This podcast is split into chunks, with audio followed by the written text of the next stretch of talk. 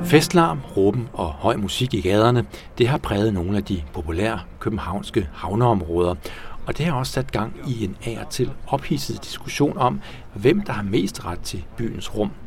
Vi er taget ud til Nordhavn, nærmere bestemt til Aarhusgadekvarteret, lige ned mod vandet for at undersøge sagen nærmere.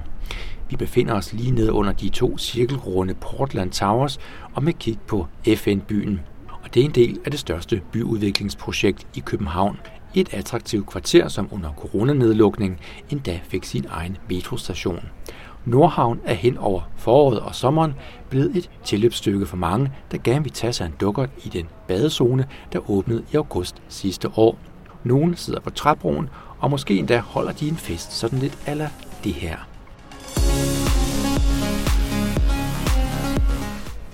Og Brian Andreasen, du bor her på Nordhavn.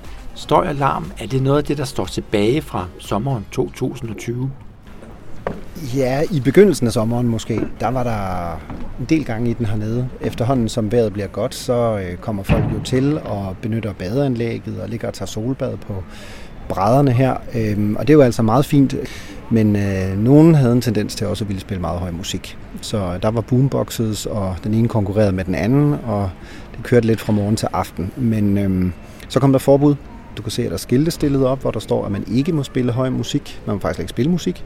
Og øh, det har hjulpet gevaldigt på lydniveauet, i hvert fald hvad angår musik. Man kan stadigvæk høre mennesker, når der er godt vejr og sådan, men det er mere som strandstemning med glade mennesker, der bader og snakker og så videre. Så et forbud, er det så vejen frem for mange af de her kan man sige, lydmæssige udfordringer, I har haft herude øh, i, i Nordhavn? Altså hvis man skal se på, om det virkede, så ja. Så lige hvad det angår, synes jeg egentlig, at et forbud har, har ryddet lidt op i den virkelig trælse støj. Så nu er der egentlig bare støj af mennesker, der er til stede og snakker med hinanden. Det kan jeg sådan set godt lide. Men, men hvor slemt var det, da det så at sige var værst? Hvad er det for en type støj, som har fået jer beboere her, så at sige, lidt op på barrikaderne, mm. eller i hvert fald øh, måske også hen til, øh, til klagetelefonen? Mm. Det plejer næsten at toppe omkring studentertid. Fordi øh, når studenterne er ude at køre, så morer de sig og sådan noget, og de holder fester og alt muligt. Det er alt sammen fint. Men de øh, har en tendens til at ende her og så holde fest, og det kører hele natten. Så skal der nøgenbades og alt muligt i løbet af natten, og det foregår tit med hvis der ikke er ligefrem med musik, så er der i hvert fald råb og skrig og skrål og så videre. Og hvis man ligger og gerne vil sove og skal op på arbejde, så er det en meget forstyrrende støj.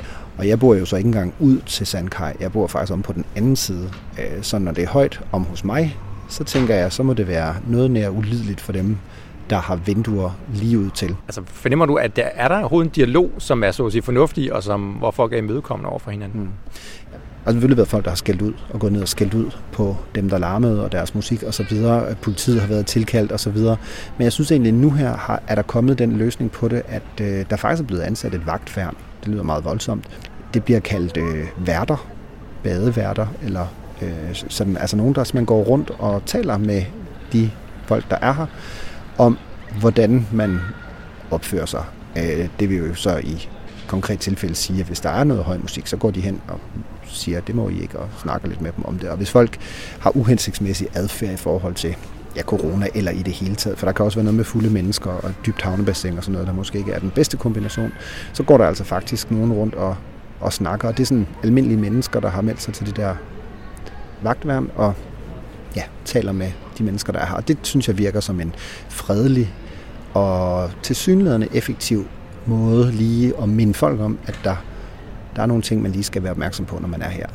Det er offentligt område, men der bor også mennesker, som, som faktisk bor her og skal, skal have en dagligdag til at fungere her. Altså nu er der jo sket meget herude arkitektonisk. I har fået et havnebad, I, øh, I har fået en kajakklub, I har fået en biograf. Mm. Alt sammen noget, som så at sige, lægger lægger ovenpå og, og gør det så sige, endnu mere attraktivt at bo her. Er det ikke en naturlig udvikling, at der så også måske kommer mere liv mellem husene? Jo, det synes jeg fuldstændig er en naturlig udvikling, og jeg synes også, det er sådan, det skal være. Og jeg vil personligt sige, det er egentlig også derfor, jeg er glad for at bo her. Det er, fordi der er et liv Øh, der er andre dele af byen, hvor man har været mindre heldig i forhold til byudviklingen med hensyn til at få forretningsliv op at køre og få restauranter, caféer og øh, sådan nogle steder i gang, som tiltrækker folk. Og selvfølgelig, når der er steder, der tiltrækker folk, ja, så bliver der mere larm, fordi der er flere mennesker til stede. Øh, og det behøver ikke bare være dem, der bor her. Jeg synes, det er fint, at folk kommer andre steder fra og benytter øh, faciliteterne her og hygger sig. Det synes jeg er fint. Tak til Brian Andreasen, en af beboerne i Nordhavn. Det er By og Havn, der som udviklingsselskab står bag udviklingen af Nordhavn, der kommer til at strække sig over de kommende årtier. Og hvilke tanker har man så gjort sig hos By og Havn, når vi tænker på det med lyd, larm og støj? Og for at få svar på det spørgsmål, har vi sat Per Schulze i stævne herude i Nordhavn. Jamen, jeg er udviklingschef i By og Havn, og By og Havn står jo for udviklingen af nogle af Københavns havneområder, blandt andet Nordhavn. Øh, og her på Sandkaj har vi jo arbejdet, hvor vi befinder os nu. Og vi hører jo i baggrunden, at der piloteres lystigt her, altså mod det nybyggeri, der kommer. Og lige bag ved os er der muligvis en gymnasieklasse, der er i gang med at nyde glæderne her ved havnebadet. Altså lyd, larm, Hvordan er de tænkt med ind i den måde, I har planlagt hele det her område på, som jo er en af de helt store udviklingsprojekter i København? Jamen, altså, der er jo nogle øh, krav øh, i forhold til planloven og, og, og lokalplanprocesserne, hvor man jo tager højde for støj. Det er jo ikke den hvad skal jeg sige, menneskelige støj som sådan. Øh, det er jo mere støj fra, øh, fra virksomheder og sådan noget i forhold til boliger og sådan noget. Men, men det du jo øh, kredser omkring her, det er jo den støj, som øh, dem, der så flytter ind i de øh, boliger, der ligger ude ved vores øh, øh havnekanaler og vores øh, brygger og sådan noget, som jo, øh, hvad kan man sige, bliver naboer eller vidne til en, en, et udliv, som vi jo alle sammen har drømt om at få. Vi øh, har fået en succes, øh, og, for nogle af det så også ved at være en udfordring. Jeg talte med en af beboerne her, som jo kunne fortælle om, at øh, ja, problemet er jo ikke nyt. Altså, han har boet herude siden 3-4 år, ja. og ja, altså hver sommer, så har der jo ligesom været lidt ekstra meget gang i den, i forhold til, hvad måske en nattesøvn kunne klare. Altså, er det her en konflikt mellem folk, der skal stå op kl. 7 om morgenen, og dem, der ikke skal? Jamen, det er det jo. Altså, man kan sige, det, det er jo træls, hvis man øh, bor ud til en fest hver dag. Øh, det kan jeg sagtens forstå. Men man må så også sige, der, der øh, jo heldigvis nu, dem, der flytter ind i de her områder, de hvis man kan formulere det sådan, ved jo også sådan lidt om, hvad de går ind til. Men det, men, men det er klart, vi har nok ikke kunne forudse nogen af parterne, hverken dem, der har flyttet ind, eller dem, der har planlagt det, i hvilken omfang, at de her udfordringer er opstået. Og det må vi jo kigge på, og det gør vi i øvrigt også sammen. Prøve at finde nogle, nogle, nogle måder, vi kan regulere de her ting på. Men, men der er ikke noget, nogen nem løsning. Øh, vi vil gerne have byliv, vi vil gerne have, at folk er glade sammen, men vi vil selvfølgelig også gerne have, at de finder ud af at gøre det på en ordentlig måde, så dem, der bor lige ud til, til de steder, hvor folk opholder sig, at det fungerer ordentligt. Så der kan man kun appellere, og jeg tror, det er en, det er en lang proces, hvor vi lærer hinanden, og hvordan vi opfører os over for hinanden. Det er jo ikke kun et problem i havnen. Vi ser det jo i store byer rundt omkring, og i parker, og hvor man nu har man også lukket Kongens Have, for eksempel.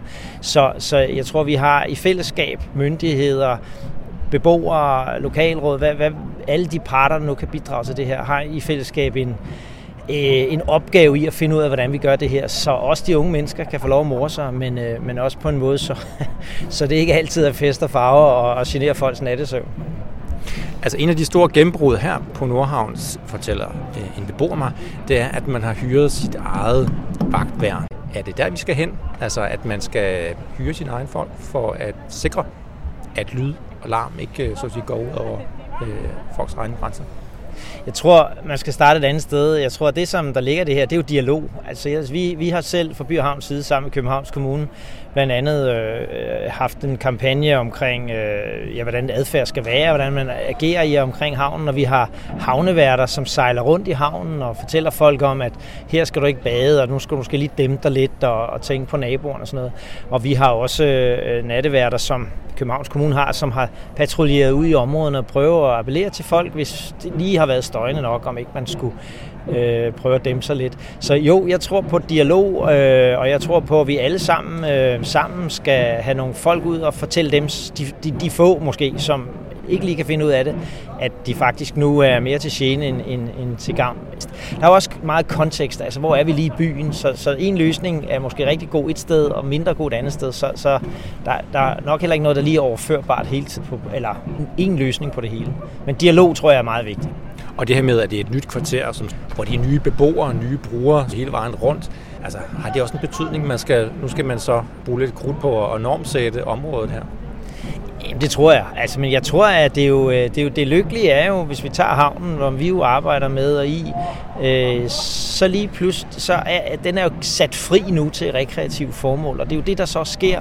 Og så sker der det, når man sætter det fri til, til, til, til, til rekreative formål, så, så håber man jo på, at folk vil bruge det, fordi det er en herlighedsværdi, og det gør de så. Og så bliver det bare et omfang, som man ikke øh, lige havde tænkt sig. Så alternativet havde været, at man ikke havde etableret de her traprykker, ikke havde etableret de her steder for ophold. Det tror jeg heller ikke, vi havde fået mange point på, nogle af os, øh, at folk ikke kunne komme tæt på vandet og være en del af den herlighedsrekreative værdi, som, som vandet repræsenterer. Altså nu er den her del, Aarhusgade kvarteret, jo sådan spydspidsen, det er den første etape af, af flere etaper her i Nordhavn, og så kigger vi jo sådan lidt bag ved dig herover. Bagved, der er det jo gjort godt plads til Lynetteholmen, som jo så bliver et endnu større byområde, mm. og med de første erfaringer, hvad er så læren i forhold til de næste faser af de forskellige projekter, som er herude i Nordhavn, og som mm. måske kan komme over i Lynetteholmen?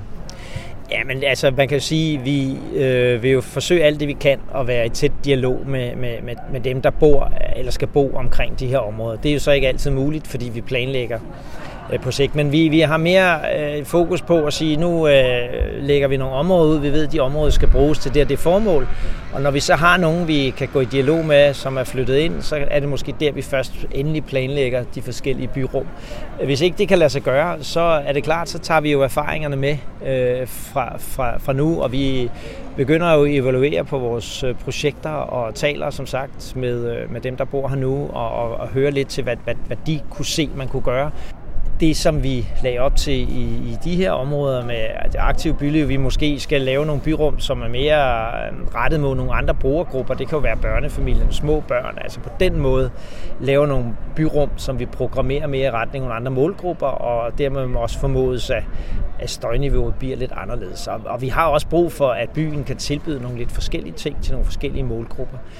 Og så tror jeg også stadigvæk, der er nogen, der øh, områder, vi skal, vi skal sige, her er der øh, plads til, at man måske larmer lidt, og, og dem, der bor lige op til, det er måske også nogen, der siger, at det, det, det er det gode byliv, at der er liv og glade dage, og, og det er måske ungdomsboligerne, der ligger der, eller altså i Aalborg har man gjort sådan noget også, ikke, øh, ud mod havnen. Øh. Og det var Per Schulze, udviklingschef i By og Havn, der kom med sine tanker om, hvilke strategier, der måske allerede nu kommer i spil, når vi ser på lyd, larm og støj fra byrummet. De, der har stået for at slå de arkitektoniske streger omkring Nordhavn, det er arkitektfirmaet Kobe. Vi har talt med arkitekt Mads Bivens, Head of Urbanism i Kobe, der fortæller om, hvilke tanker man gjorde sig, da man arbejdede med faktorerne som lyd, akustik og byrum i de første faser, da Nordhavn blev planlagt. Ja, altså øh, det var ikke det store parameter, øh, i, når vi snakker øh, sådan, øh, bystøj og byliv i hvert fald dengang. Der handlede det jo egentlig bare om at skabe mere, mere og mere øh, byliv, og dermed det, der, der fulgte med, det var jo egentlig kun en positiv, et positivt aspekt. Men det er klart, lyd og støj har vi jo altid arbejdet med som præmis, men primært fra sådan, trafikgener øh, med øh, den store øh, vej, der løber forbi Nordhavnen og øh, banen som egentlig har været de sådan primære lydpræmisser. Ikke? Dengang sad vi ikke og diskuterede så meget, øh, om det nu skulle blive for stor en succes og, øh, og, øh, med, med Overskadekvarteret for eksempel, som var det første, vi ligesom kiggede på ned i detaljen. Ikke? Ja, vi sidder her ved sådan et havnebad, som jo så er kommet til i løbet af det seneste år. Vi har en lille kajakklub. Altså, er I blevet taget lidt på sengen over, at, at folk så hurtigt har taget Nordhavn-kvarteret til sig, Aarhusgade-kvarteret til sig, også dem, der måske ikke bor her selv? Ja, det kan man sige. Altså, jeg tror ikke lige, der er nogen, der havde kalkuleret med, at hele Østerbros øh, ungdom øh, og skoleliv vil vælte herned, øh, når skoleklokken ringede ud. Vel? Så, så på den måde er det jo, så, så er det jo givet sådan en, øh, en slagside, som har været, hvad kan man sige, fuldstændig utilsigtet eller uigennemtænkt. Det er jo nogle enormt øh, positive konsekvenser af et godt sted i København. Et helt nyt godt sted, som folk vælter til, fordi at de synes, der er rart at være her. Men, men alarm jo som sådan, altså noget, man kan planlægge sig fra. Altså, når I sidder og lægger, lægger jeres langsigtede planer, altså noget af det, der måske er karakteristisk af Nordhavn, det er, at en del af husene står jo ret tæt på hinanden. Det her havnebad er lige op mod, mod dem, der bor herude. Mm. Skal man skille tingene mere ad? Hvad er sådan de planlægningsmæssige greb, man kan foretage sig? Også med når man summerer lidt op på, hvad erfaringerne er herude? Dogmer og en af de ting, vi har prøvet at facilitere og arbejde med i mange år, har jo været den blandede by. Så det har jo været en succes og et succesparameter i sig selv. Så det her med at gå tilbage til altså noget, vi i virkeligheden arbejder, har arbejdet imod i rigtig mange år, med sådan en mere funktionsopdelt by, øh, jeg tror jeg ikke er løsningen på det. Men man kan gå endnu mere detaljeplanlægning selvfølgelig om at planlægge, hvilke beboere man planlægger for hvor, i forhold til om det er unge mennesker og ungdomsboliger her i, i sådan et hvad kan man sige, oplagt byrum, der vil have noget, noget støj Øh, der er også nogen, der siger, det er smart at placere nogle øh, ældre boliger i, øh, i sådan nabolag, fordi de ofte ikke hører enormt godt, men du kommer hurtigt ud i nogle diskussioner, som du egentlig ikke rigtig, hvad kan man sige, helt har styr på, andet end nogle gissninger. Øhm, men, øh, men altså det, det er en svær diskussion, og jeg synes også, det er en, det er en ny diskussion i det, hvad kan man sige, detalje, den detaljegrad og den polemik, det har skabt. Det er en, sådan en ny, en ny præmis, som vi egentlig ikke sådan har været øh, udfordret så meget på indtil nu. Det, som en af de lokale her fortæller mig, øh, det er, at jamen, øh, det var først, da de fik et, et øh, vagtværn, som går rundt og tyser på folk eller henstiller til øh, gode adfærdsregler, at der faktisk begynder at ske noget. Og så her lige bagved os kan vi jo se, at der er kommet et, et fint skilt her. Velkommen til Aarhus Gadekvarteret, står der, og så står der soundboxer og musikanlæg forbudt og øh, vise hensyn og begrænse støj. Altså det er også nogle forholdsvis nye skilte. Altså er vi ude i sådan en blanding af hårde, i talesatte regler og nogen, der følger op på, at reglerne faktisk bliver overholdt? Jamen altså, hvis vi stadig vil have den her, øh, det her sådan ret brede mulighedsrum for at opholde os i udrummene, byrummene og i virkeligheden også indtage øh, alt fra øl og vin til alt muligt andet, som jo også er forbudt i mange andre lande, så tror jeg måske, at der er en eller anden, der er sket en eller anden øh, modsat øh, rettet udvikling i gang, måske med nogle vagtværn, selvom det jo virker forkert, kan man sige. Men, men øh, altså, hvis lokal vagtværn kan gøre en forskel, øh, som jo i virkeligheden ikke har andet øh, ret end til at pege på noget, noget skiltning, så er det jo øh, langt hen ad vejen godt, en god start måske. Mm. Men hvis man nu accepterer, at folk de holder fest i mm. byerne, mm. skal man så lave ligesom nogle reservater? Har I unge mennesker, nu, må I tage ud på reffen. Ja. Øh, der, er ikke så, der er ikke nogen naboer. Der er et rensningsanlæg, I kan genere, men, men det får jeg ikke klage fra. Altså skal man så lave sådan nogle zoner, hvor man så at sige, lydmæssigt kan gå lidt amok, og så lave strenge forbud, så at sige, øh, alle de andre steder, hvor, hvor der bor Tæt mennesker? på boliger. Ja, altså, der er der helt sikkert noget der. Noget, noget, noget, nogle lavt, lavt hængende frugter, hvad man siger øh, i forhold til at lave nogle reelle festzoner. Men det kan også godt blive sådan lidt usofistikeret. Så laver vi sådan nogle bøllepladser, hvor folk må gå amok med deres soundboxes og sådan noget. Det er klart. Men, men jeg tror da, jeg tror da for eksempel de der soundboxes er jo sådan et, et rigtig godt eksempel på, at der er noget, der er stukket helt af. Ikke? At øh, man ligesom kan holde et, øh, en, en fest for, for tusindvis af mennesker i decibel i hvert fald øh, på, på legepladsen ved siden af, hvor du bor, er jo fuldstændig skævt i forhold til en, sådan et boligområde. Så, så der tror jeg, at øh, simpelthen altså forbud mod soundboxes burde være helt oplagt i dit boligkvarter. Og så må, man, så må man lave nogle zoner, hvor man gerne må spille høj musik og sådan noget om aftenen. Det, det, det er jo oplagt. Jeg tror bare ligesom, det kan godt blive sådan lidt opdelt brugeropdelt by på en eller anden måde. Der, der, det, det, er i hvert fald, øh, det vil være et helt, en helt ny retning for København, som jo egentlig bare arbejder med byen for alle. Ja, netop det her dogme med byen for alle, altså den her bølge, som øh, også øh, arkitekt og byplanlægger Jan Gels satte i sving her i starten af 70'erne, altså at der skulle være mere byliv, og der skulle være flere aktiviteter mellem husene. Så skal der laves et nyt dogme, som øh, moderniserer på de tanker, eller tilpasser dem den virkelighed, øh, som vi ser i dag, hvor langt flere børnefamilier og arbejdende mennesker så de bor i byen. Det gjorde de jo ikke tidligere. Altså det tror jeg, og det, det er også noget, vi faktisk øh, arbejder helt aktivt med lige nu. Måske tid til at kigge lidt kritisk på hele den her Cities for People-agenda, øh, som øh, jo har været helt fantastisk. Og en, øh, altså, man kan sige, at hele Jan Gels øh, filosofi er jo øh, noget, vi alle sammen har lænet os op af, specielt i byudviklingsøjnet. Men man kan sige, at der er måske gået lidt der er måske gået lige lovlig meget ego-urbanisering i den. Ikke? Altså, øh, det handler om os selv, og i virkeligheden, hvordan vi efterlader byen, når vi nu går, er jo fuldstændig lige meget. Altså, så, så den her skraldespandsby, eller skraldeby, er jo blevet et kæmpe problem. Så spørgsmålet er, om man ligesom kan flytte sig lidt væk, og egentlig... Altså, vi, vi diskuterer sådan noget... Øh, kunne man kalde Cities for Life i stedet for. Ikke? Altså, vi har også øh, en grøn agenda, vi skal koble det her med. Altså, og, og den her, sådan, hvad kan man menneske Øh, bycentreret øh, filosofi, som vi alle sammen arbejder med i dag, fordi vi skal skabe sunde byer for mennesker, og gode byer for mennesker, og byrum for mennesker og det hele.